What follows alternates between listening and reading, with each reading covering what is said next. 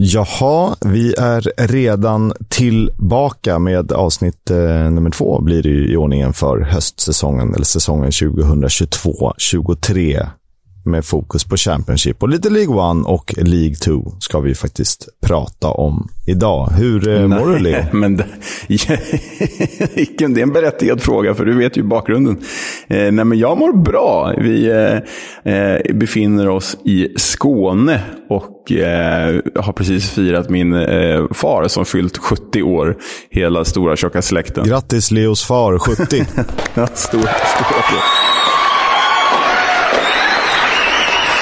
Nej, men det, det, det, var han värd, men eh, jag mår ju som jag är värd också att klivit upp så här väldigt tidigt dagen efter. Jag, vad är klockan? Den är sju minuter över sju när vi spelar in och jag klev väl upp eh, 06.41. Vaknade av eh, Eh, ditt meddelande i chatten Kisk 06.41. Jag hade ställt klocka på 06.45. Så ditt meddelande räddade nog mina barn från att vakna alldeles för tidigt. Så det tackar vi för. Bra. Jag känner mig som en renlednadsmänniska som gick upp 06.00. Det har inte hänt om man inte har blivit väckt på väldigt länge. Ja, det är möjligtvis om man åkt till London att man gått upp vid tre. Men 06 är tidigt för vissa. Ja, det, det, det, är ju det. Jag måste bara säga att vi måste nästan lägga ut bild på det här stället jag spelar in i. För vi bor ju på ett hotell eh, och jag kunde inte spela in i rummet där jag bor så här tidigt för då skulle jag ju väcka hela familjen. Så jag har fått det enda lediga konferensrummet eh, i, i det här hotellet. Och det är alltså en stor nybyggd, helt nyinvigd, jag är den första personen som använder det, glasbur som ser ut över kusten där vi bor. Det är jättefint. Men det är också helt oinrätt. Så jag sitter på golvet och det är därför det kanske ekar här i bakgrunden. Jag hoppas att ni inte hör det, men, men har gjort det bästa av situationen. Jag sitter som en liten skolpojke med fötterna på golvet och rumpan på golvet och tittar ut över ett tomt rum. Så, så mysigt har jag det. Visst heter det Björn Ranelid-rummet? Ja, Björn Ranelid-salen. Björn Ranelid-salen. Då känns det ju lite yoga-esk. Ja, yoga-esk. Det kanske det, det finns ju fotbollskopplingar där också förstås, eftersom det är Björn Ranelid. Såklart, det gör. Ja, jag har inte fått kaffe än, så att ni hör ju Leo lite små, lite semi-trött från gårdagen och jag har inte hunnit få mitt kaffe än. Det kan ju betyda en sak, att det blir eh, det sämsta avsnittet någonsin. Eller så är det det som är succéreceptet, det är bara att vi inte har fattat det. Leo ska vara lite, några öl in och jag ska vara utan kaffe och gå upp tidigt och inte så ordentligt. För att man ligger och kollar roliga filmer. Men eh, så är det i alla fall, vi kör igång.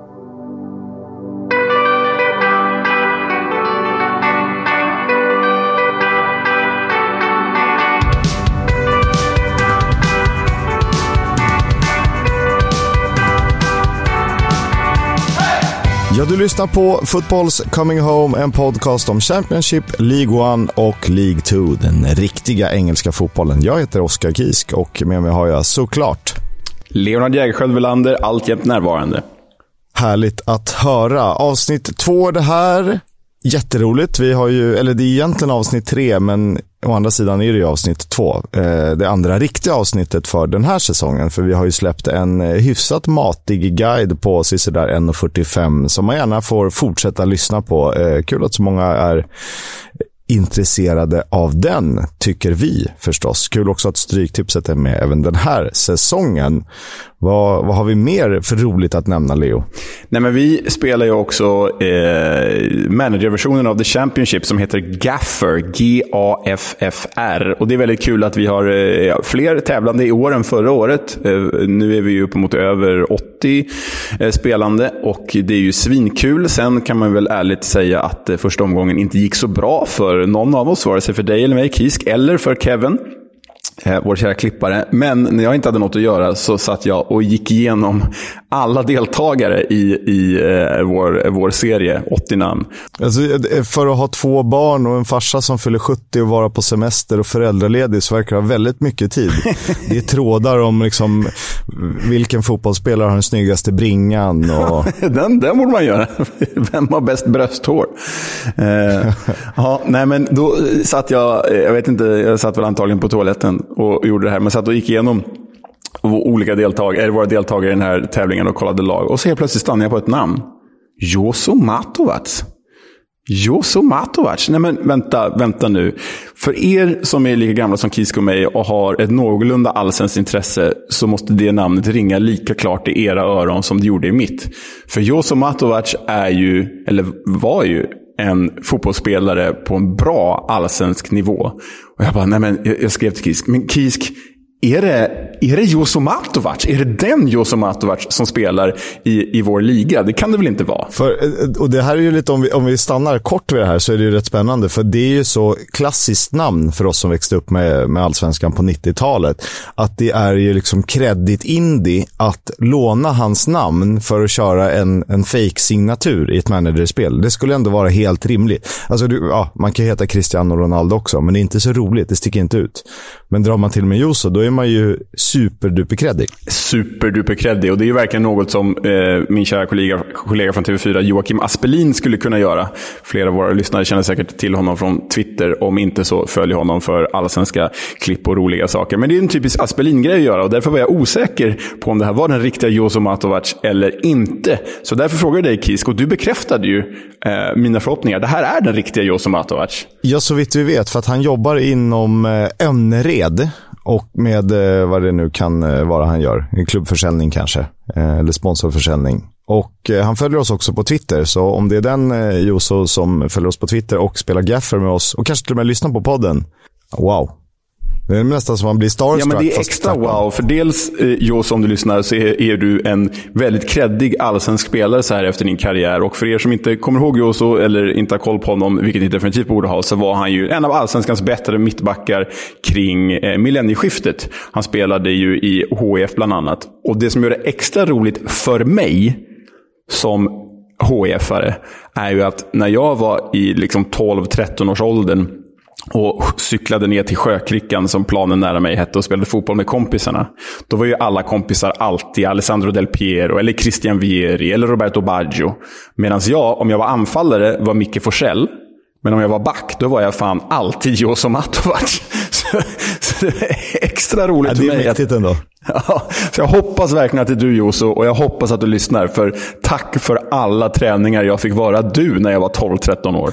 Eh, tack eh, för att du lyssnar. Jätteroligt såklart. Eh, vi har en del roliga projekt på gång som vi har nämnt lite tidigare också. Men vi får nästan lov att återkomma om dem när de bekräftats. Eh, ja, mm. Eh, det är så det funkar lite. Och nu har vi, tycker jag vi har babblat alldeles för länge. Vi ska prata Championship och vi ska gå igenom premiäromgången som bjöd på ett och annat. Vi börjar med superpremiären, men du kanske vill ta den? jag, blev så, jag blev så sugen. Eh, ja, men du, eh, ja det, var, det började med fredagen där. Huddersfield, fjolårets eh, playoff-finalist, tog emot nykomlingen uppifrån Burnley, Vincent Companys Burnley. Eh, det här var en riktig jädra match, i alla fall från ena laget, Kisk. Burnley vann ju med 1-0 borta i Yorkshire. Ian Matsen, holländaren, eh, avgjorde i 18 minuten. Men eh, Kisk, det här var en show från Burnley. Eh, I allra högsta grad. Stundtals eh, fotboll som vi inte har sett eh, sen liksom, glansdagarna på Camp Nou för ett gäng år sedan. Det, bollen gick som på ett snöre mellan i princip alla spelare i Burnley. Och den här tiki-takan, som ändå någonstans finns det någon sparkapital om man kollar eh, bänken och truppen. Nej, det är bara att lyfta på hatten. För att det Burnley som har tråkat sönder matcher i Premier League har jag ju varit så fruktansvärt trött på. Eh, jag har inte orkat se dem. Men eh, Burnley Championship kanske är något annat. Kul. Nej, men det var, alltså, eh, som du säger, bollen som på ett snöre och det var liksom tiki-taka och enkelt kortpassningsspel och snabbt och rappt. Och det var intressanta, roliga kombinationer längst fram. De chippade över Huddersfield-försvaret. Och, och, eh, alltså, om vi bara tittar på statistiken. Huddersfield har alltså två avslut i hela matchen. Burnley har 16. Och bollinnehavet 30% till Huddersfield, 70% till Burnley. Och de gjorde ju verkligen något med bollen också. Det här Burnley, jag, jag måste säga, jag är ju fel i mitt tips omgående. Jag sa ju att eh, i, i, i guiden och i vår eh, eh, tabelltippning i, i första avsnittet att Burnley skulle bli årets flopp. Jag har ångrat mig direkt. Det här kommer bli årets sensation. Det var så jäkla roligt att kolla på och det var så jäkla bra. Fullständig dominans av eh, The Clarets och på ett sånt oerhört roligt sätt. Nej, jag, jag, jag är helt golvad av den här insatsen. Det är ju... Eh bara en tidsfråga innan eh, han får spela lite mer Scott Twine också. Han började på bänken Mm, men eh, killen från MK Dons som vi håsat, han hoppade in och satte en frispark i Linicals stolpe. Så han visade ju omgående att han kan eh, göra något eh, bra. Annars var det ett läckert anfall fram till matchens enda mål. Ian Matsen, som sagt, Chelsea-lånet. Drog igång det själv och avslutade det också. Han gjorde ju bara fyra poäng när han var utlånad till Coventry i fjol. Det känns som att han nästan kommer dubbla, åtminstone dubbla den siffran den här säsongen. Kanske tillåts gå framåt mer än än vad han fick göra i Coventry som ändå var ganska eh, starka på omställningarna i fjol. Eh, men Huddersfield är ju sargat givet vad de har tappat. Så det, ehm, det här kändes ju ganska rimligt att, eh, att de inte skulle se ut som de gjorde förra säsongen. Och det ska ju tilläggas att de hade ett väldigt, väldigt högt, eh, eller de hade lågt XG och XP sett till eh, hur det såg ut eh, i tabellen sen. Nej, precis. Och det, det, nu har de ju tappat flera spelare som gjort dem effektiva också, så det kan ju vara en förklaring av, av den här bleka insatsen. Eh, lite intressant i Huddersfield-lägret var ju att Chelsea-lånet Tino Angerine startade på bänken, liksom Jordan Rhodes. Rhodes petades till förmån för Danny Ward, inte särskilt överraskande på topp där. Eh, spännande i Burnley var ju att 19-årige irländaren Dara Costello fick eh, chansen på topp istället för Scott Twine. Så ja, spännande. Många spännande namn och spelare i Burnley. 0-1 alltså på John Smiths. Vi går vidare till lördagen eh, och den första matchen kronologiskt som spelades mellan Cardiff och Norwich. Och eh, det är väl en liten överraskning om något att nykomlingen Norwich eh, fick noll poäng mot ett förmodat nedre mittenlag Cardiff. Ja, det blev ju så att Cardiff vann med 1-0 efter mål av Romain Sawyers i början av andra halvlek. och den här halvleken såg jag, andra halvlek. Och det var ju en rätt trist tillställning mellan två ganska trubbiga lag. De, alltså att, att Cardiff skulle vara trubbigt, det, det, det, visste vi ju. Att Norwich skulle vara det, det fanns farhågor för det, men ah, inte så här trubbigt. Men det var en väldigt fin inramning i Cardiff. Eh, mycket publik och, och, bra stämning och framförallt för att ja, Kisk, eh, Peter Whittinghams nummer har ju pensionerats, nummer sju. Det var vi inne på i förra avsnittet tror jag.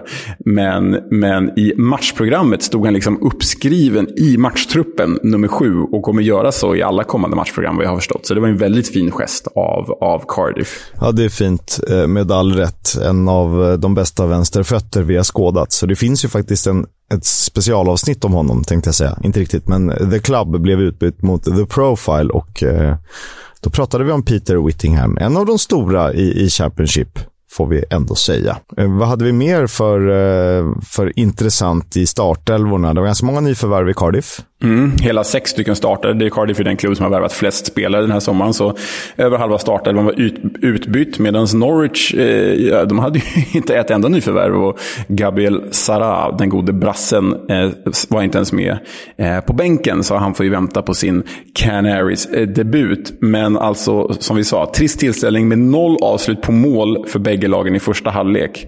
Men sen var det också typiskt att just Romain Sawyers, ny från VBA, avgjorde den här matchen med ett ganska lamt och studsigt skott som Tim Krul kanske borde haft. För Sawyers Kisk, han har ju spelat under Norwich tränare Dean Smith i både Walsall och Brentford. Alltså typ gjort nästan 150-200 matcher för Dean Smith. Och är ju en riktig Dean Smith-favorit. Och då är det just Romain Sawyers som avgör mot, avgör mot Dean Smith. Det är en rolig parentes.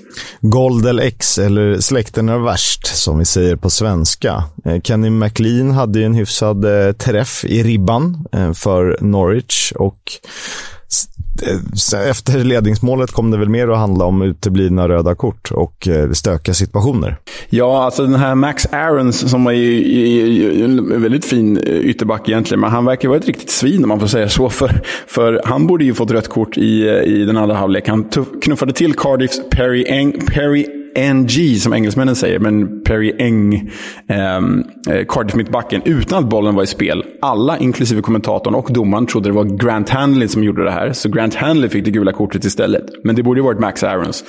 Och strax därpå, alltså bara några minuter senare, så filmar Max Aarons i, i offensivt straffområde. Riktigt billig filmning, då han borde få sitt andra gula kort. Fick det inte. Ja, nej, Max Aarons verkar vara en, en, en riktig jäkel alltså. Men han borde fått det röda kortet och istället fick ju lagen varsitt kort i nämnde Perry Eng och Grant Handley eh, mot slutet av matchen. Det blev, rätt, eh, det blev rätt bråkigt efter det där, eh, den första situationen. Så att det kändes som om de mest sprang runt och var arga på varandra. Och Perry NG var arg på eh, alla i Norwich, typ. Mm, verkligen. Jag vill bara säga att vi var ändå eh, lite rätt ute med Grant Hanley. För vi sa i vår guide att Grant Hanley spelar lika fult som han ser ut. Och så blev han utvisad i premiären. Så det var lite roligt att vi, vi tippar, eller säger rätt någon gång om någonting. vi har eh, ganska många rätt tycker jag. Hade bara Scott Twine satt frisparken där så hade eh, vi kunnat slå oss för bröstet rejält. Det här var ju faktiskt Cardiffs eh, blott andra premiärseger på de tio senaste säsongerna. De är inte så vana vid att vinna sina öppningsmatcher. Blackburn och QPR var ju två playoff-utmanare under den förra säsongen, men räckte inte hela vägen. Och eh, vad det beror på, ja det vet ni nog säkert om ni har lyssnat på den här podden tidigare. Ben Burton Diaz saknades ju i Blackburn. Han spelade nu. QPR hade ju problem efter afrikanska när Seny Dieng och Ilias Shair kom tillbaka. Konstigt nog. Men nu möttes de i premiären och matchen slutade 1-0 efter en helt sanslös bössa signerad Louis Travis i den 34 minuten. Ja, Louis Travis, denna liksom, ska säga, mittfältsadmiral eh, som är ju eh, oerhört viktig för Blackburn och kanske ännu viktigare i år för det här nya Blackburn som har brandskattats något, eller brandskattats ganska mycket. Men Louis Travis gör ju i princip aldrig mål. Och nu avför, avfyrar han en bössa som är liksom värdig säsongens mål redan i första omgången. Den är, ni, ni är ju helt otrolig. Ni måste bara in och kolla på det här målet. För det, det är en sån jäkla bössa. Långt, långt utifrån också. Uh, det är ett sätt att, och, om man aldrig gör mål, då ska man göra mål på det här sättet när man väl gör det. Riktigt, riktigt fint. Inget Petter Hansson-stök, liksom, utan en ordentlig jäkla Clarence Cedorf-bössa. Härlig liten uh, bollbana på den. Ben Bredson Diaz hade en boll i mål mot slutet av matchen. Han vinkades ju dock korrekt av för offside efter att Blackburn ändå slarvat bort den kontringen för de kom i tre mot två och sen eh, kom BBD offside. Noterbart i älvorna är att väldigt unga Jack Vale fick chansen på topp i Blackburn Rovers av Jon Dahl Tomasson som ju är tränare. Eh, BBD, alltså Ben Bertrand Diaz, i, i någon slags vänsterposition i förhållande till Jack Vale. Och nya Tyrus Dolan fick, eh, eller nya är han väl inte Kisk, eh, men eh, det är jag som har skrivit det. Men Tyrus Dolan fick i alla fall hoppa in eh, för, eh, för Blackburn. Man trodde att han skulle starta den unga talangen som vi puffade för som att hålla koll på. Jimmy Dunn började på bänken för QPR. Han var på bänken eh, för QPR som hade noll skott på mål. Det är ju inte särskilt bra. Nej, oroväckande. Det är det, men eh, Michael Beal får väl tid med sitt projekt. Det är svårt att såga någon efter en omgång. Eh, Redding kan vi dock såga efter varje omgång, tror jag. inte, riktigt så, inte riktigt så illa var det faktiskt. Nu har det kommit ut, Paul Ince-hataren här. ja, jag är team Robin Friday bara. Eh, Blackpool Reading slutade 1-0 sedan Callum Connolly gjort matchens enda mål efter nio minuters spel. Och eh, ja, det var lite svängigt, men ändå med Blackpool i någon slags eh, ledartröja. Ja, det får man ju säga. Det var ganska snyggt ledningsmål av Callum Connolly också. Eh, sen har väl Blackpool-favoriten Josh Bowler borde nog blivit målskytt, men eh, träffade stolpen och därefter en oturlig studs i returen hindrade honom från att eh, utöka ledningen. Men Blackpool såg ju faktiskt rätt stabila ut i, i den här premiären, till skillnad från eh, Reading, även om de ändå kan bedömas som ja, helt okej, okay, eller vad säger du Kisk?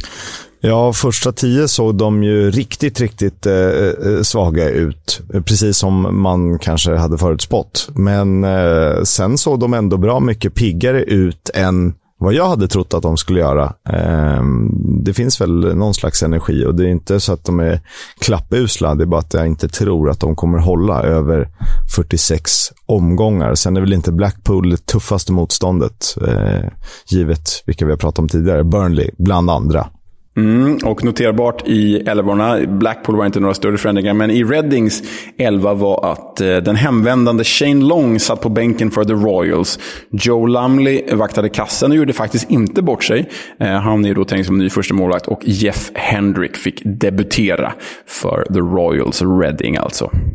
Sen till eh, två lag som vi ändå pratade ganska mycket om inför. Eh, det är Hull City som är under en Akon Ilicali ombyggnation och så är det Bristol City som vi någonstans har trott ska kunna ta med sig den fina offensiven från förra säsongen, kryddat med seriens kanske bästa mittback, Caldini, Cal Smith och eh, lyfta det. Men i premiären fick man det tufft på, vad heter det nu, KCOM Stadium. Ja, men ett tag såg det inte ut som att det skulle bli tufft, för det var ju faktiskt så att Bristol City tog ledningen genom vem då? Jo, allas vår lilla österi, österrikare Andy Weimann. Och du skrev till mig samma dag, tror jag, att ah, jag bytte ut Weimann ur, ur min elva i Gaffer.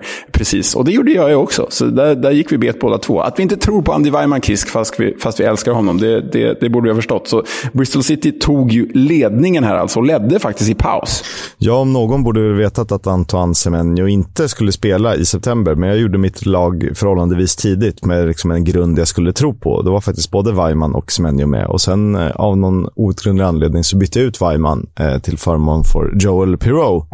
Eh, eftersom du trodde på honom som skyttekung tänkte jag, ja, kanske bra att ha. Eftersom jag hade honom hela förra säsongen, men jag är ingen fantasy-kille, det har vi ju märkt. ja, det är upp till bevis den här säsongen. Bristol City fick ju tydligen åka taxi till matchen. Ja, det var speciellt. Deras alltså buss, deras spelarbuss gick sönder. Så för att hinna till matchen så fick de ringa dit massa jäkla taxibilar som fick skjutsa in hela laget. Så det var en speciell uppladdning för The Robins. Eh, lite oklart hur långt de fick åka bara, men ändå eh, kul att se liksom, en taxikonvoj komma dit körandes med, med, med motståndarlaget.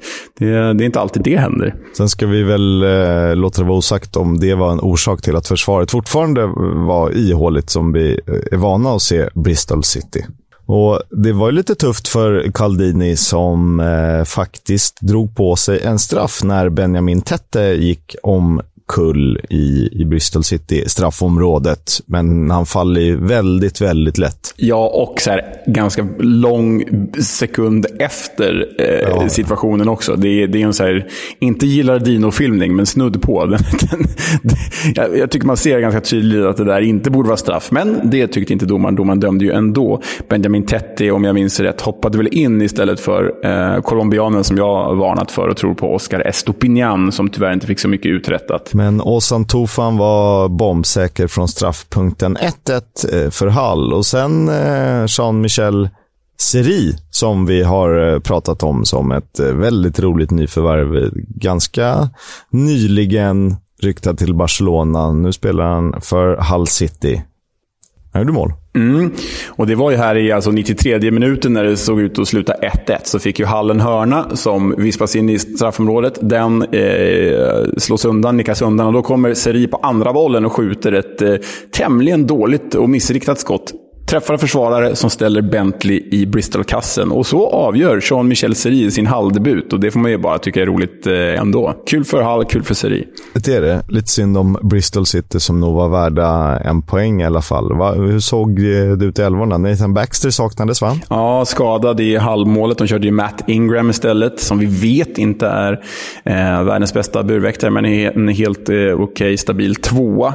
Sen saknades också turkiska nyförvärvet Dokan Shinik Eh, Eh, som ju ska vara väldigt spännande turkisk landslagsman. Kane Wilson något överraskande på bänken och eh, Antoine Semenyo som vi vet skadad till och med september, troligen mitten av september enligt senaste rapporten. Så har ni honom Gaffer ut tills vidare.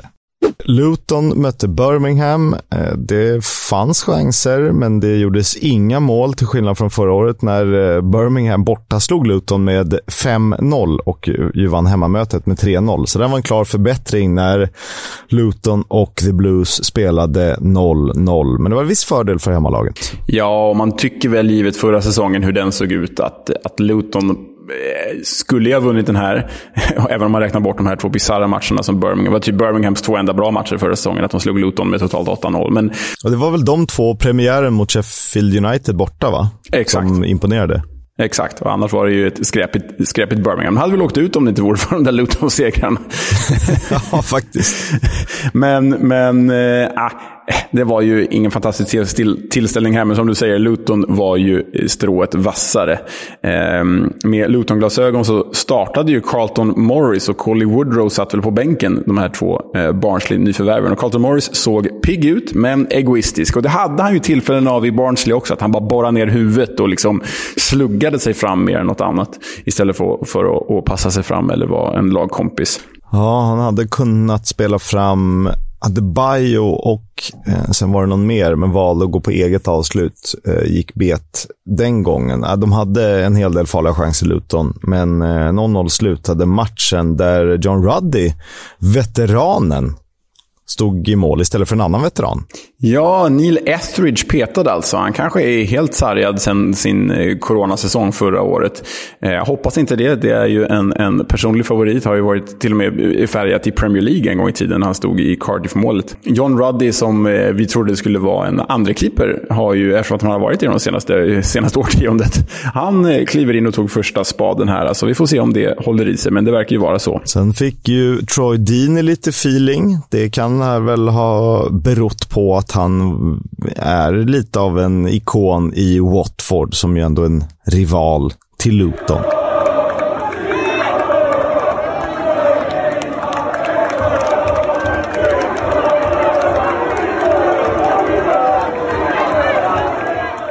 Mm, kliver av planen, eh, buas ut av eh, Luton-fansen, Troy Deeney, numera i Birmingham alltså. Och då kör han härliga fina slängkyssar till Luton-publiken som för att påminna dem om vilken rivalitet de hade när han spelade i Watford. Så det, det, sånt där gillar man ju, det uppmuntrar vi. Lite, lite banter.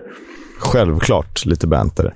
Vi lämnar en mållös premiär till eh, serieledarna, vilket är väldigt roligt och eh, kanske något överraskande. Där en debutant fick göra sina första A-lagsmål. Ja, det, var, mm, det var grejer det. Ja, Millwall nitade alltså Stoke med 2-0. Det var väl egentligen siffror i underkant. Och den stora matchhjälten blev ju den eh, från Leeds inlånade mittbacken Charlie Cresswell. Som gör alltså sina två första A-lagsmål i karriären i samma match. Mittback då alltså. Och firade så jäkla härligt första målet. Det är ju den här, du vet, Anders Svenssons frispark mot Argentina. Det är ju den euforin på första målet. När man inte vet ja. hur man ska ta vägen och bara springer och tittar upp i luften och överallt. Och så, nej, riktigt fira. Man är så ovan vid att göra mål så man inte vet hur man firar. Ja, nej, exakt. och riktigt, uh, man blir varm i, i, i trasorna av att se ett sånt firande. Liksom. Sen var ju målet inget speciellt. Det var ju nick och andra målet var ju väl en volley på hörna. Två hörnor, såklart, i uh, Gary Rowett Millwall. Men kul för Cresswell. Ja, och han hade bud på fler mål eh, ändå, tycker jag bra chans till en trea, eller vad som hade varit en tvåa, så att det tredje hade blivit en trea då. Eh, eller det andra mm. hade blivit en trea. Och det känns ju lite som att gör du två mål i premiären, då kan du nog bli en publikfavorit på det den. Men never fall in love with a lone player, brukar de ju säga på öarna. Ja, det är ju rimligt. Och Stoke hade ju faktiskt en boll som var inne, fast den var kanske inte inne, eller var den det? Bjalkowski räddar på mållinjen och det är ju typ millimeter tajt. Ja, den är ju... Jag har tittat på den flera, flera gånger. Jag tycker det ändå känns som att Bjalkowski faktiskt lyckas hålla den utanför. Men det är ju verkligen på den eh, ökända millimetern som du säger. Men det hade ju kunnat få en annan riktning där matchen. Detta Stoke som faktiskt startade med Dwight Gale på topp. Eh, och ett Millwall som eh, återigen håller nollan med eh, Bartosz Bjalkowski i målet. Eh, den som har hållit flest nollor i eh, seriesystemet de senaste, vad det nu blir, ja, sen början av eh, det kan vara 2020-2021 va? Ja, precis. Jag tror det är det, det, de, den tidsrymden är rätt. Exakt. Och för Millwall eh, har ju bara förlorat en av de senaste nio premiärerna. Ja, de är ju svårbesegrade och under Gary Rowett ännu mer. Noterbart i älvorna, eh, vi har redan nämnt Dwight Gale startade för Stoke, gjorde inget större avtryck. Även Josh Laurent på mittfältet och Aiden Flint fick debutera. Nick Powell skadad, tyvärr, för The Potters.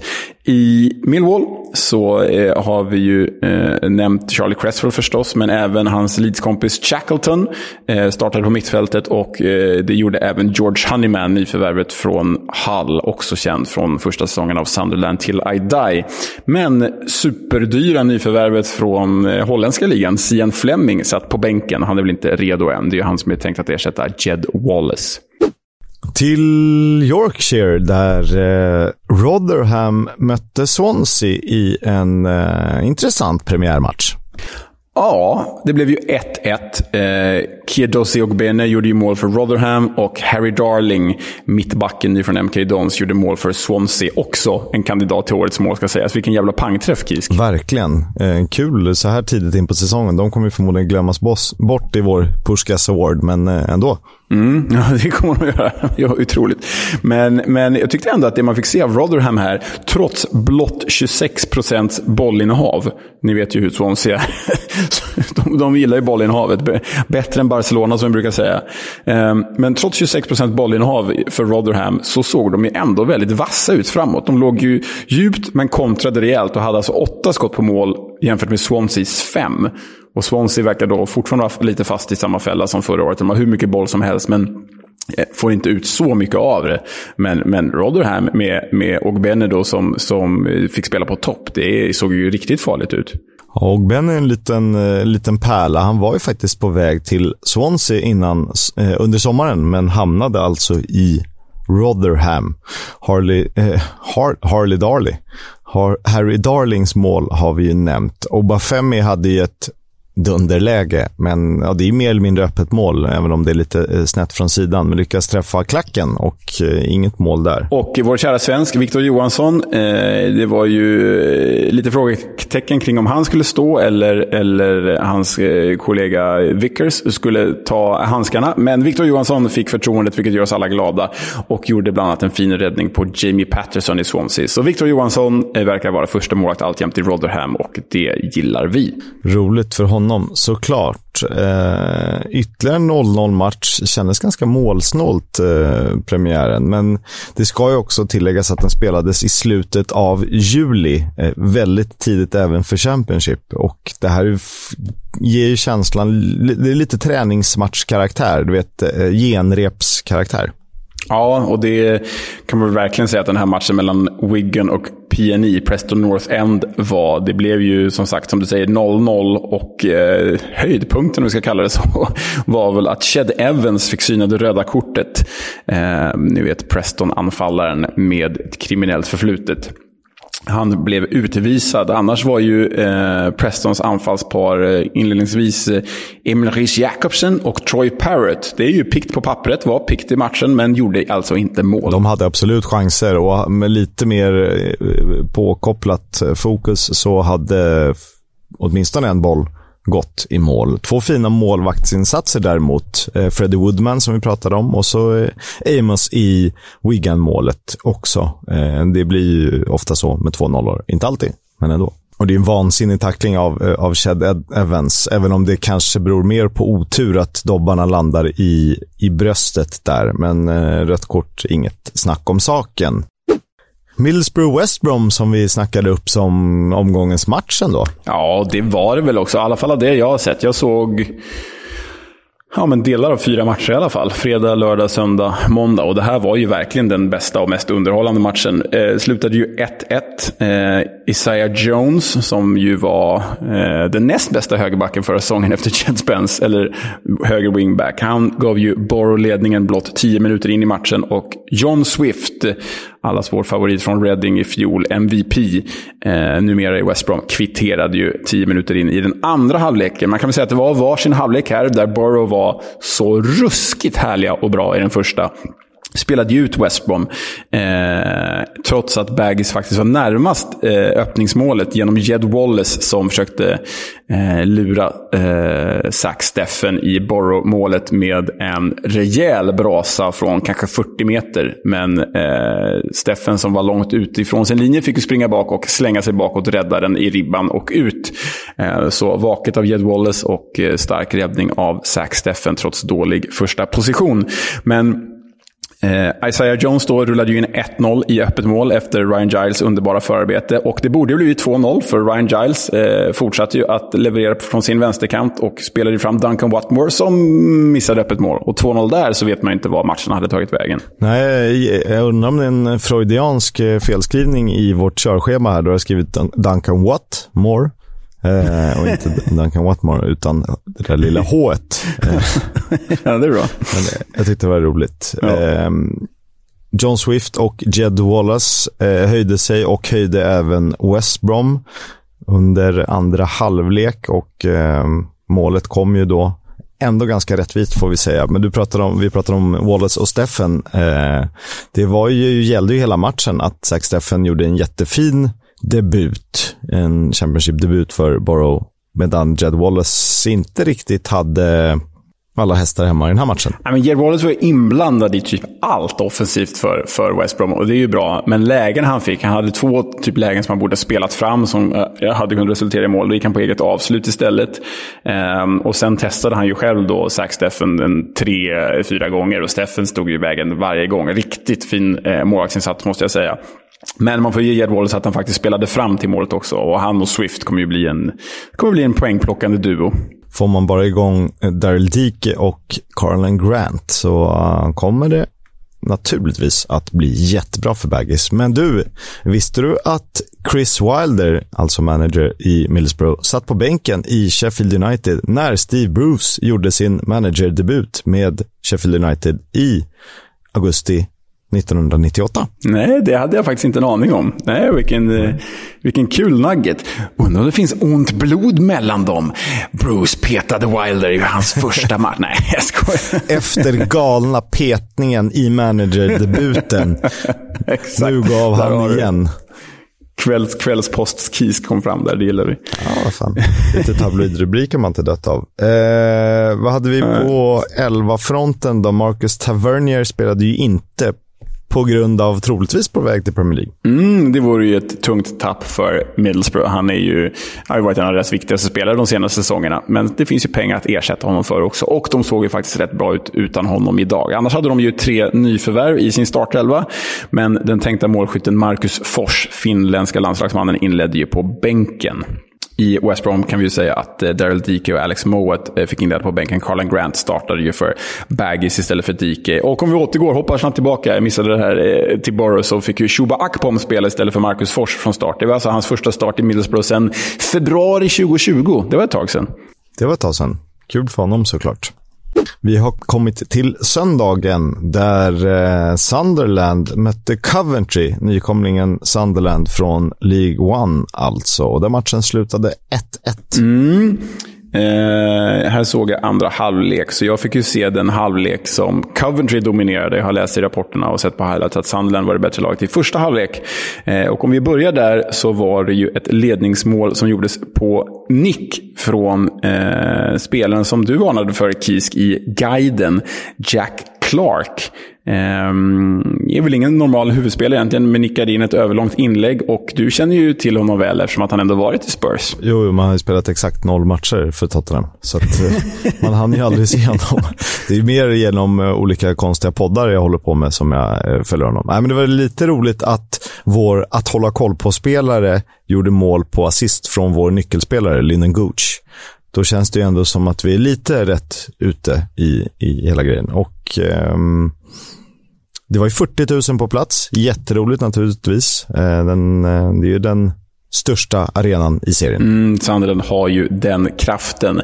Även om publiken nästan tystades av eh, Jonathan Panso som testade ett skott utifrån. Men eh, det gav ju inte frukt. Eh, men det var ytterst nära för Coventry där. Istället eh, fick ju de utdelning i den andra halvleken och det var ju en magisk kvittering med svenska ögon. Viktor Gyökeres mål. Det är ju hög klass på det här målet, Kisk. Ja, det är riktigt riktigt skicklig anfallarmål.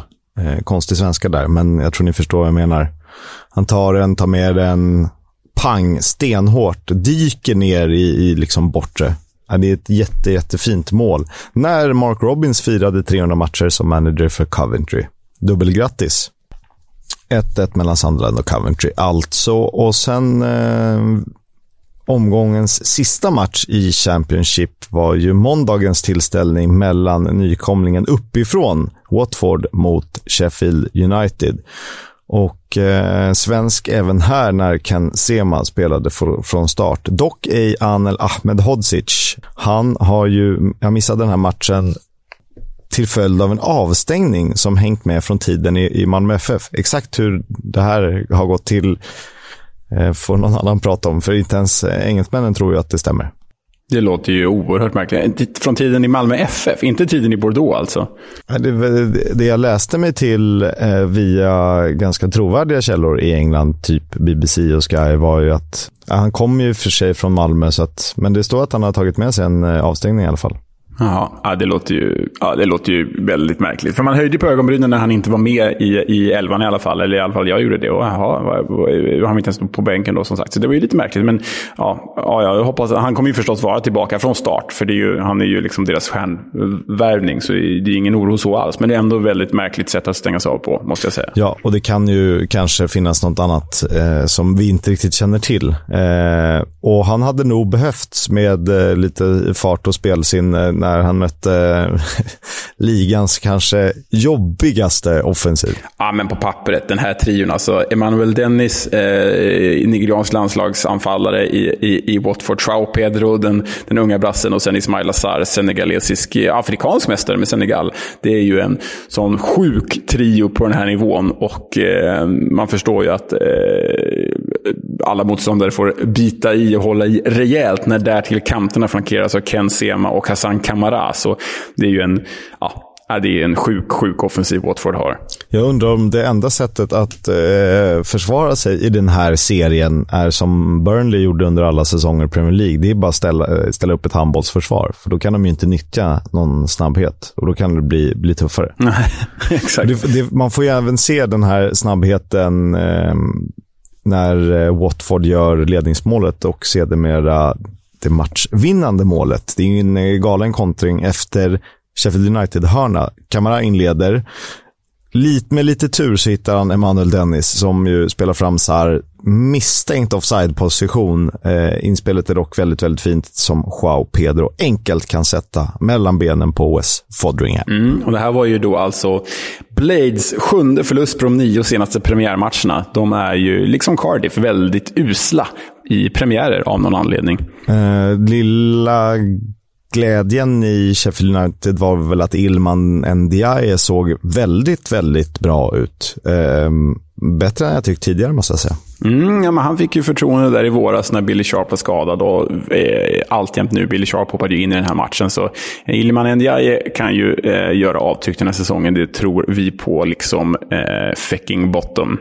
Av åtta nyförvärv Kisk startade ett Åtta nyförvärv i totalt i bägge lagen. Det var bara Kieran Clark som fick förtroende hos The Blades. Men det är ju fler som kommer starta förstås. Så var det alltså Watford, Sheffield United 1-0. Och eh, vi gratulerar eh, min vän Patrik, eh, den här poddens eh, kanske mest trogna lyssnare. Nej, ni, ni är många där ute. Eh, han håller ju på Millwall. Han brukar ju höra av sig titt som tätt. Serieledning, håller nolla. Men det har ju gått en omgång. I ensamt majestät där uppe, för Millwall, Millwall är det enda laget med plus två i målskillnad. Eh, sen kommer ju en radda med sex lag som har plus en och en massa oavgjorda. Så att, eh, Lite trubbig start, men träningsmatchkaraktär. Dock roligt att ha det igång. Jag tycker vi tar en liten snabbkik ner i systemet och där vände ju Peterborough, våra Championship-bekantingar från förra säsongen, 0-2 till 3-2 borta mot Cheltenham. Och det handlade ju mycket om de två spelare vi pratade om mest förra säsongen egentligen. Eh, Jack Marriott och tvåmålsskytten med tre efternamn, Johnson Clark Harris. Och jag vet inte vad han gör kvar i Porsche i League One egentligen. Nej, han, borde ju, han är ju faktiskt värd en nivå upp. Derby besegrade Oxford hemma med 1-0 och det var ju ett nyförvärv som avgjorde för The Rams. Connor Hurihan, en av alla dessa Premier League-gubbar om vi säger så, är Derby numera med matchens enda mål. Sen var det ju Sorge Barnsleys tur att åka ur. Och det var det enda av våra Championship-gäng från förra säsongen som förlorade sin premiär i League One. Eh, 0-1 borta mot Plymouth Argyle, eller det blev ju 1-0 då. Efter mål av West Brom-fostrade, numera Aston Villa hemmahörande lånet Finn Azaz, eh, som ju också blev League 2 Young Player of the Year förra säsongen, vill jag minnas. Mm. Bra, Finn Azaz alltså. Sen hade vi då en League One-nykomling nerifrån i Forest Green Rovers, världens grönaste klubb, som bortaslog Joey Bartons Bristol Rovers. Så det var väl någon slags liksom, Star Wars-rebellerna mot Death, Death Star-möte där. Inget ont om Bristol Rovers, men, men eh, Joey Barton får väl illustrera Death Star och, och Forest Green Rovers får vara rebellerna i det här läget. För mig får du dra James Bond-referenser, så då ska alltså eh, Joey Barton vara Spectre. Ja, exakt så. Emilio Largo. det blir bra. Forest Green Rovers är uh, MI6. Ja, då vet vi. Vi ska kika till hur det ser ut på nyhetsfronten i Championship och League 1 och League 2. Lite kul. Vad har vi för något? Ja, men vi har ju ganska mycket eh, övergångsnyheter. Jag tänker att vi får dra dem ganska rappt, liksom studsa fram och tillbaka mellan varandra.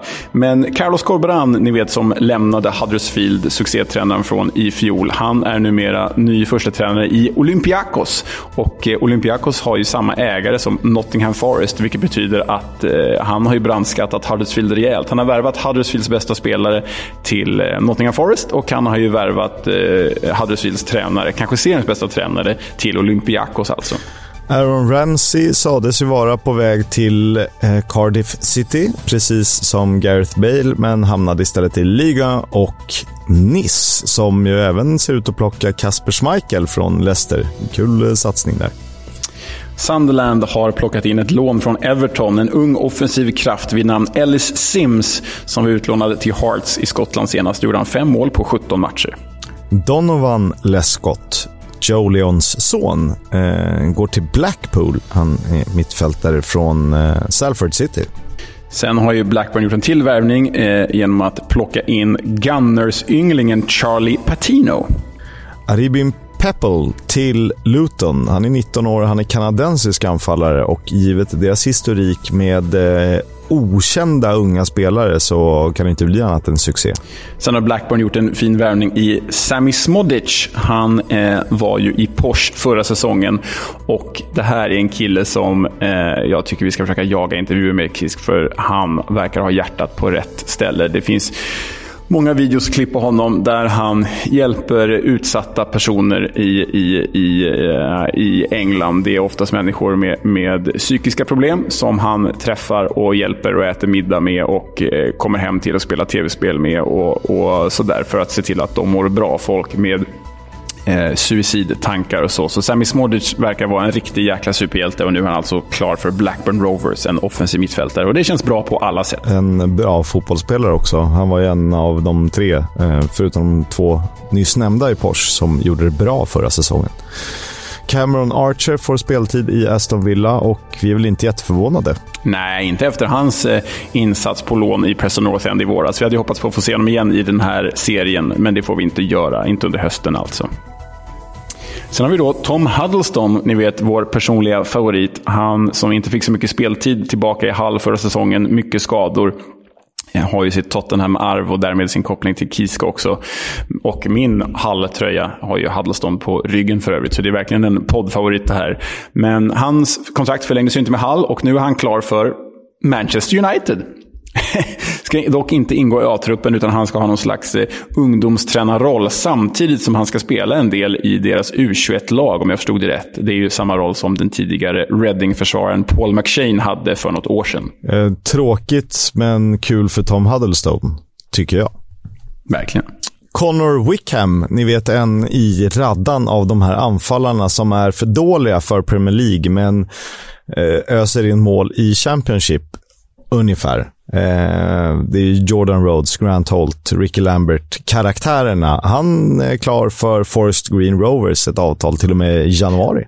Och sen har vi ju då i Norwich har gjort en stor värvning i den chilenska landslagsmannen Marcelinho Núñez, mittfältare, landslagsmittfältare värvad från chilenska Universidad Católica. Så det ska bli spännande att se. Han är eh, högt omskriven, fått mycket praise om vi säger så. Så fick jag ju ett nyhetstips i veckan. Det är egentligen inte nyhet för det är ganska gammalt, men domarna i IFL har fått nya direktiv inför säsongen och det är ju väldigt eh, godtyckligt. Men eh, eftersom Championship varit en av de ligor i Europa med minst effektiv speltid har domarna blivit ombedda att tillsammans med spelarna stävja maskande på planen så att man ska alltså se till att det inte slösas tid och det här känns ju som ett spel för galleriet. Men eh, kör hårt. lycka, till med, lycka till med det. Det känns väldigt... Ja, okej. Okay. Märkligt. Sen har vi då den stora roliga nyheten i League One och vi jagar en intervju. Vi får se om vi hinner få med det till det här avsnittet. Jag tror inte det, men, men vi jagar så fort vi kan och ett möte. Det är nämligen så att vi har fått svenskt i League One. NHL-stjärnan och Tampa Bay eh, Lightning-spelaren Victor Hedman, som väl har liksom utsetts till eh, NHLs bästa försvarare de sex senaste säsongerna. Han har blivit delägare i Plymouth Argyle. Eh, tillsammans med en lagkamrat har de köpt 20% av sydkustklubben. Och det här är ju stort på så många sätt. Dels för att Plymouth Argyle är vad, eh, verkar vara en väldigt sympatisk klubb. Dels för att det är kul med svenskt. Dels för att Victor Hedman är en jäkla bra idrottsman med mycket pengar som, som kommer in här. Och det här måste vi bara fira med en bit av Plymouth Argyles underbara dänga The Janner Song. Team. Plymouth Argyle Supreme are the finest this beautiful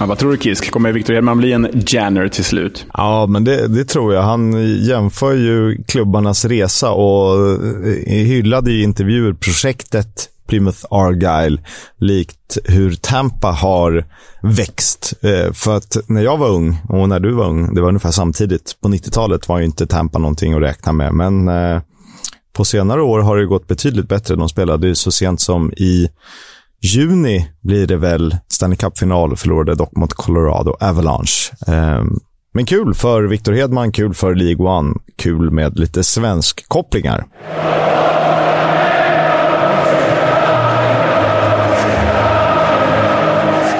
Footballs Coming Home sponsras av Stryktipset, ett spel från Svenska Spel, Sport och Casino för dig över 18 år. Stödlinjen.se.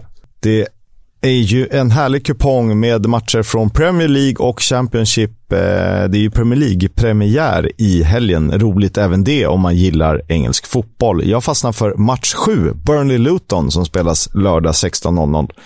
Nykomlingen från Premier League vann premiären och såg ut som ett helt annat lag under Vincent kompani Med snabbt kortpassningsspel som inte är vana vid att se dem under Sean Dyche.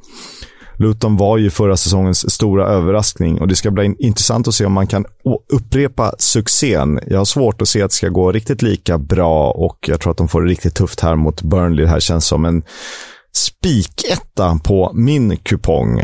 Och då frågar jag dig Leo, vad, vad tycker du sticker ut i helgen?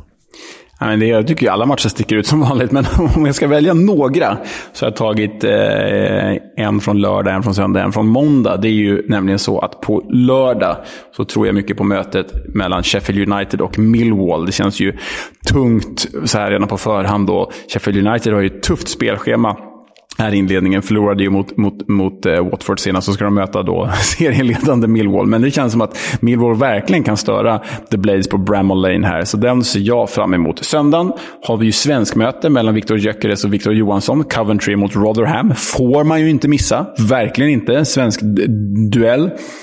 Och sen måndagens då match som kanske är omgångens häftigaste. West Bromwich Albion med Jed Wallace och John Swift mot Watford med Dennis Osar och Joao Pedro.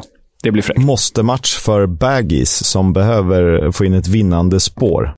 Leo, du har ju tydligen tagit dig själv friheten att skapa en egen programpunkt som heter Vilka vill, ni ha, vilka vill vi ha upp och ner samt varför? Eh, jag förstod den inte riktigt, men jag skrev vad jag tyckte eh, kändes bra. Så du får gärna förklara vad som är tanken. Ja, men tanken här är ju att eh, innan semestern tar slut så kommer vi ju inte göra The Club. The Club kommer återkomma när, när du är tillbaka på din arbetsplats på riktigt och jag inte längre kuskar runt i Sverige. För det är, då kommer The Club Club tillbaka. Fram till dess kommer vi ha lite olika segment där vi kanske tittar på övergångsfönster och sådär. Men i, idag tänkte jag att vi skulle vara väldigt eh, personliga inte spekulativa, men, men liksom sätta så här utifrån klubbarna som finns i serien. Vilka tre lag vill du åker ut Kisk? Och varför? Du måste välja tre. Och vilka sex lag vill du ha på uppflyttningsplatserna? Och varför? Och så ska vi bolla här mellan varandra så man får lite motivation och munhugg kanske. Så där. Det var min tanke med den här punkten. Intressant. Vi, vi, kan väl börja med att båda vill ha ut Reading och det är ingen snack om saken. Um, återigen vänder han sig... varför, varför hatar du Reading, Kisk? Eller är det bara Paul Ince du hatar? Jag, jag, vet inte, men givet alla andra klassiska roliga lag som finns i serien så uh, känns ju Reading... Det har vi varit inne på tidigare, att de känns mest intetsägande. Samtidigt finns det ju mycket gott. Det är lite som att folk pratar om att Millwall bara är legister och rasister. Och det stämmer ju inte. För de gör ju väldigt mycket gott för, eh, för närområdet. Eh, och Reading eh, tog lite, lite miljötänk där med sina tröjor. Men de åker ur i min liga ändå. Och det gör de ju i min med. Och jag har ju faktiskt till och med fingrat på att beställa hem den där tröjan. Jag har inte gjort det än. Men, men en tröja räddar de ju inte i min bok. Jag tycker ju alltjämt att Reading är typ världens mest intetsägande klubb. Men givet hur mycket vi pratar om dem så, så, så, så kanske de inte är det alls. Eh, sen finns det ju nog något... Alltså, så här, jag tycker det finns en charm i alla klubbar, alla 24 klubbar. Därför är det så svårt. Men, men Reading är någonstans alldeles för intetsägande för mig. Och att de plockar hem en, en liksom väldigt avdankad Shane Long, eller att de försöker rädda klimatet, det, det, det hjälper tyvärr inte. Reading ska åka ur om vi får välja. Och sen, eh, förlåt Victor Johansson, eh, Rotherham känns ju verkligen som ett League One-lag. Det är där de hör hemma, i toppen av League One och botten av Championship. Men som någon slags playoff-gäng. Jag, eh, jag ser dem inte som mer. Om vi nu ska talar från hjärtat och inte hjärnan. Mm. Och vi är ju faktiskt, jag är överens om Rotherham också, men drömscenariot här är väl att liksom Victor Johansson gör en så bra säsong, så han får spela sig kvar i The Championship. Han, han spelar sig till ett nytt kontrakt i, I don't know, jag vet inte. Luton. I Luton, perfekt. Det skulle vi verkligen gilla. Och så åker Rotherham ur. Och det, vi känner ju verkligen inte... Alltså, jag, jag till och med gillar Rotherham lite grann. Det kanske till och med är mitt lag i, i Sheffield-området. vad, vad det nu säger. Men de känns ju, liksom Reading, ganska intetsägande. Och eh, de kommer definitivt klara en nedflyttning till League One. För de kommer gilla ju att studsa upp och ner mellan divisionerna. Så Rotherham är ett lag som jag också skickar ur. Sen Kisk blev jag förvånad när du skickar ur Bristol City. Va? Vad är det som händer? Ja, och eh, nu tar jag ju, tänker jag bort från mitt tips där jag har dem som utmanar om playoff. Men jag vill ju ha ett Bristol, eh, Bristol Derby. Aha, ja, ja, ja. Men kan du inte skicka upp Bristol Rovers istället då? Fast det var inte uppgiften i och för sig, jag förstår. Nej, exakt. Annars hade jag behövt skicka upp och ner lag. Eh, och med samma, alltså jag tycker att det ska finnas x antal derbyn. Det blir roligare då. Och för walesiska lagen så är ju det också höjdpunkter där man inte slåss om framskjutna placeringar. Och därför undrar jag, varför skickar du ut Cardiff? därför, ja. ja, du har ju helt rätt. Alltså, Cardiff-Swansea är ju ett derby man verkligen vill ha med i, i eh, varje säsong. Men, men min tanke med att skicka ut Cardiff, de är till och med på min jumboplats, det är för att det är nog i princip det enda laget jag faktiskt känner lite antipati för av de här, av de här 24. Eh, och det är inget med fansen att göra, de är ju fantastiska fans. Men det är för att eh, truppen är ganska glåmig och trött och trist. Och ännu mer för att de drivs av den här skurken Vincent Tan. Ehm, han om någon känns ju som Spectre och sitter där och myser med sin arga katt där i stolen. Nej, det, det, jag vet inte. Cardiff känns eh, som ja, men det känns som säsongens skurk lite grann. Och eh, det tyckte de gjorde förra året med. Därför skickade jag ur Cardiff. Ja, men det är väl rimligt då. Om vi tittar uppåt då. Här eh, har vi ju två lag som vi båda vill ska sluta på en topp 6-placering. Jag vet i och för sig inte varför vi skulle ha topp 6 när det bara är tre som går upp, men, ja, men den här programpunkten är, är, den är med den här veckan, sen är den aldrig med mer. det är kanske, kanske så. Jag tänker att jag ska generera lite från våra lyssnare också. Vilka är era lag ni vill ha upp? Vilka liksom hejar ni på? Vilka är era topp 6 som ni ska slåss om platserna? Ja, men du vet vad man kan säga då? Man kan ju säga dröm, drömtabell 1 6, 22 24. Ja, precis. Så kan vi kalla det. Vill vi ha från er. Det vill vi ha från er. Men, men samtidigt blir det lite kontraproduktivt. För det laget jag vill skicka upp vill jag samtidigt ha kvar i Championship. Dels för att kunna eh, avhandla varje vecka eh, och inte tappa till Premier League. Men samtidigt vore det ju också väldigt fint med just dem i Premier League för att de skulle liksom ställa allt på ända där uppe. Om vi då pratar om Luton. Om det är nu de vi pratar om. Om vi skulle ha dem. Men eh, på sjätte plats, vilka hittar vi där? Ja, i, i mitt gäng, så, så, ja, bland mina sex, så hamnade Norwich där till slut. Och jag vet inte, jag är så lättköpt så jag fick ju en Norwich-tröja i julklapp av min fru och sen dess har jag bestämt mig för att gilla dem.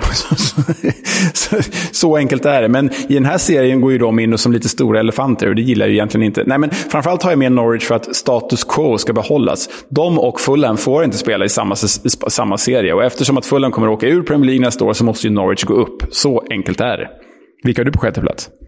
Kan vi eh, tvångsuppflytta Ipswich också så vi får ett härligt traktorderby? Det hade varit lite roligt tycker jag. Ja, det hade varit fint. Jag har Blackpool på sjätte plats. Eh, en av de klubbar man tyckte var lite intetsägande inför säsongen. Eh, man kommer ihåg dem mest från den där Charlie Adam Ian Holloway-sessionen då de mest kändes eh, bråkiga och ett klassiskt engelska, alltså ett dåligt Dyche-lag om man kan säga så. Eh, men ändå med lite charm. Men nu tycker jag de känns härligt. Och det är också, jag gillar den här kontrasten av att det är ett vilande semesterparadis, eller snarare ett dött semesterparadis, eh, som någon försöker sparka liv i. Och så har de lite ett fotbollsprojekt vid sidan om som är så här, whatever, typ. Men Blackpool är ju Ja, de är charmiga. De är charmiga.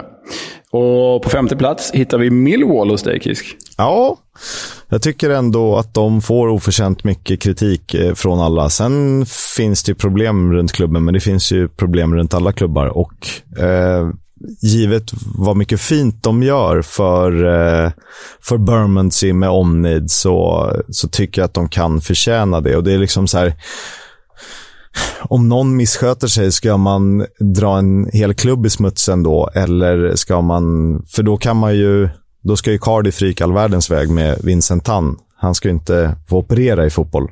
Precis. Din femte plats är Coventry? Ja, det är ju, det är ju Coventry och eh, det är egentligen av två anledningar. Dels vill jag gärna se att det går eh, bra för Viktor Gyökeres, men framförallt tycker jag det finns en jäkla kraft bakom den här klubben, givet historien och traditionen. Och nu har de äntligen hittat tillbaka till en representabel nivå efter alla år på olika arenor i andra städer.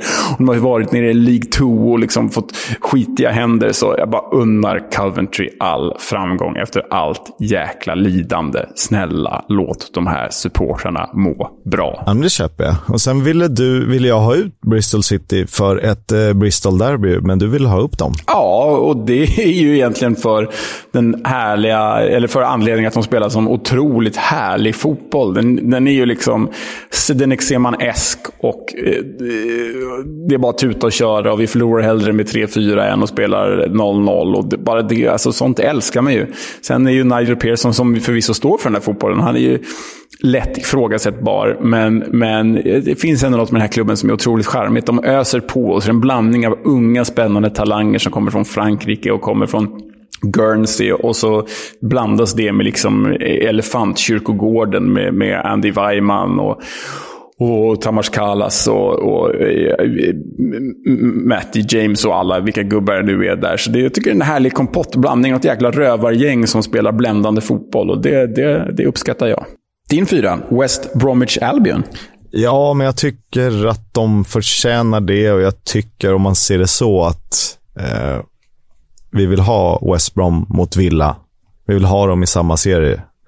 Jag pratar ju, det blir mycket derbyn. Jag tycker att det lyfter en serie eh, på ett sätt som är väldigt speciellt. Det ska ju finnas den där lilla extra pulsen under en säsong. Att det går upp lite tempo. Att det inte bara är landsvägskörning utan att det är lite, lite motorväg. Mm. Ja, men det, det, det köper jag. Det, det vore ju härligt. Sen har vi faktiskt två lag, eh, samma lag upp här. Det är din tvåa och din trea som är min etta och min tvåa. Blackburn och QPR skickar vi bägge upp. Ja, och det är väl någon slags romantiserande med eh, klassiska Premier League-mästarna Blackburn, eh, ledd av Alan Shearer, eh, som man kopplar till och sen givet hur dåligt det har gått efter det och nu tycker man ändå att det finns rätt mycket charmigt i det där gänget som borde få en liten knuff i rätt riktning. Ja, men eh, Blackburn, det är så klassiskt. Det är ju ett Premier League, Premier League-lag. De ska vara där. Vi älskar att ha dem här i podden och kommer älska dem så länge de är här nere. Men de ska ju faktiskt spela i Premier League. Och QPR, jag vet inte, det, det, du är inne på det. Det är något fint nostalgiskt skimmer över dem. Um, liksom Trevor Sinclair-kopplingar och hela den, hela den biten. Nej, men QPR eh, skickar vi också upp. Men så har vi varsin sista... Och Loftus Road, ja. såklart. Precis. Världens härligaste arena kanske. Men så skiljer vi oss då. Du har Luton och jag har Hull som sista klubb upp.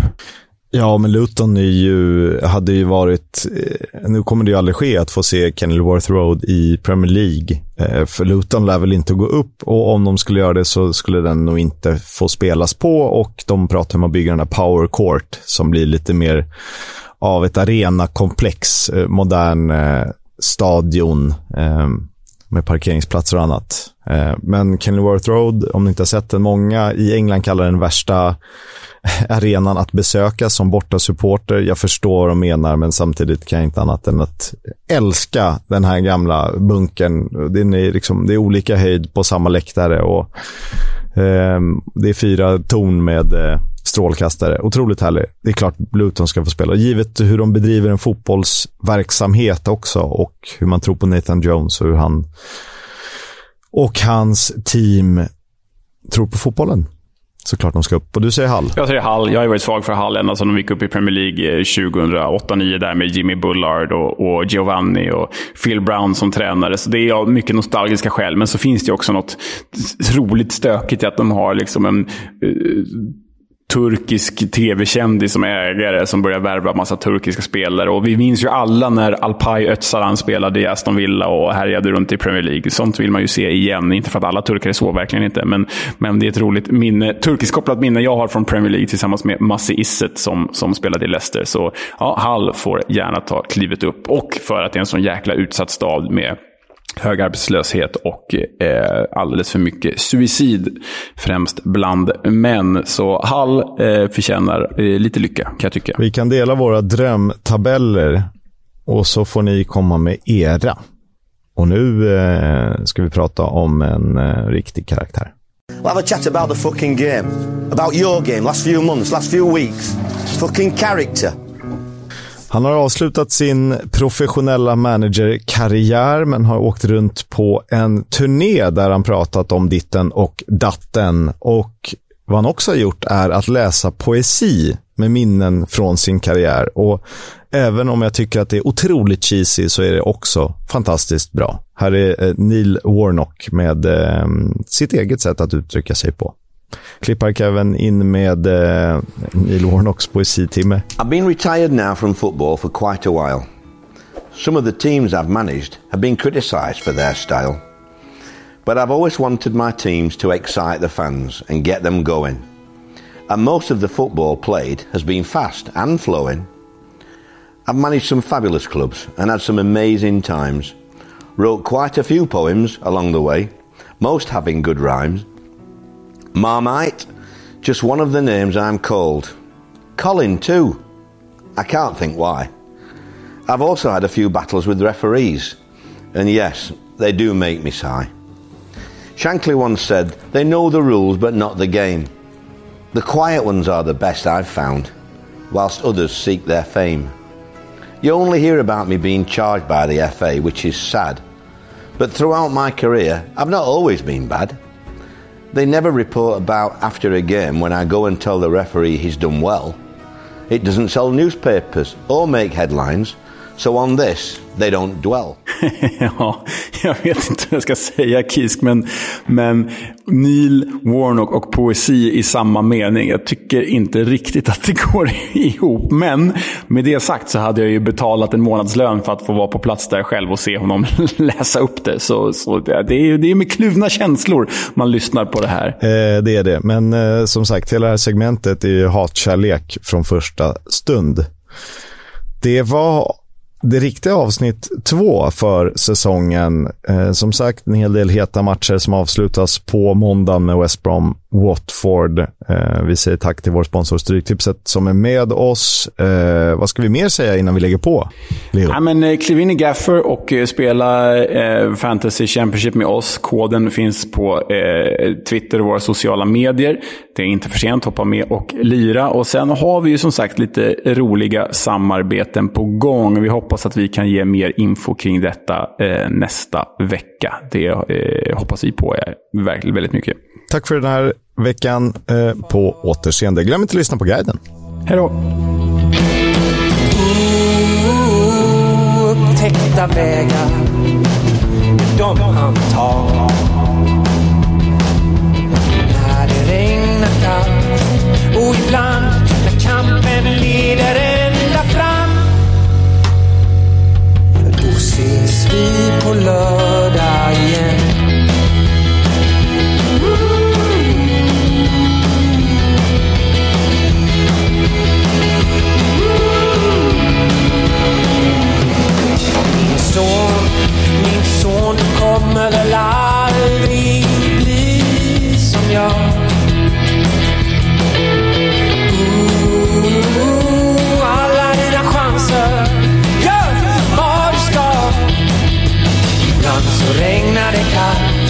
Men till slut i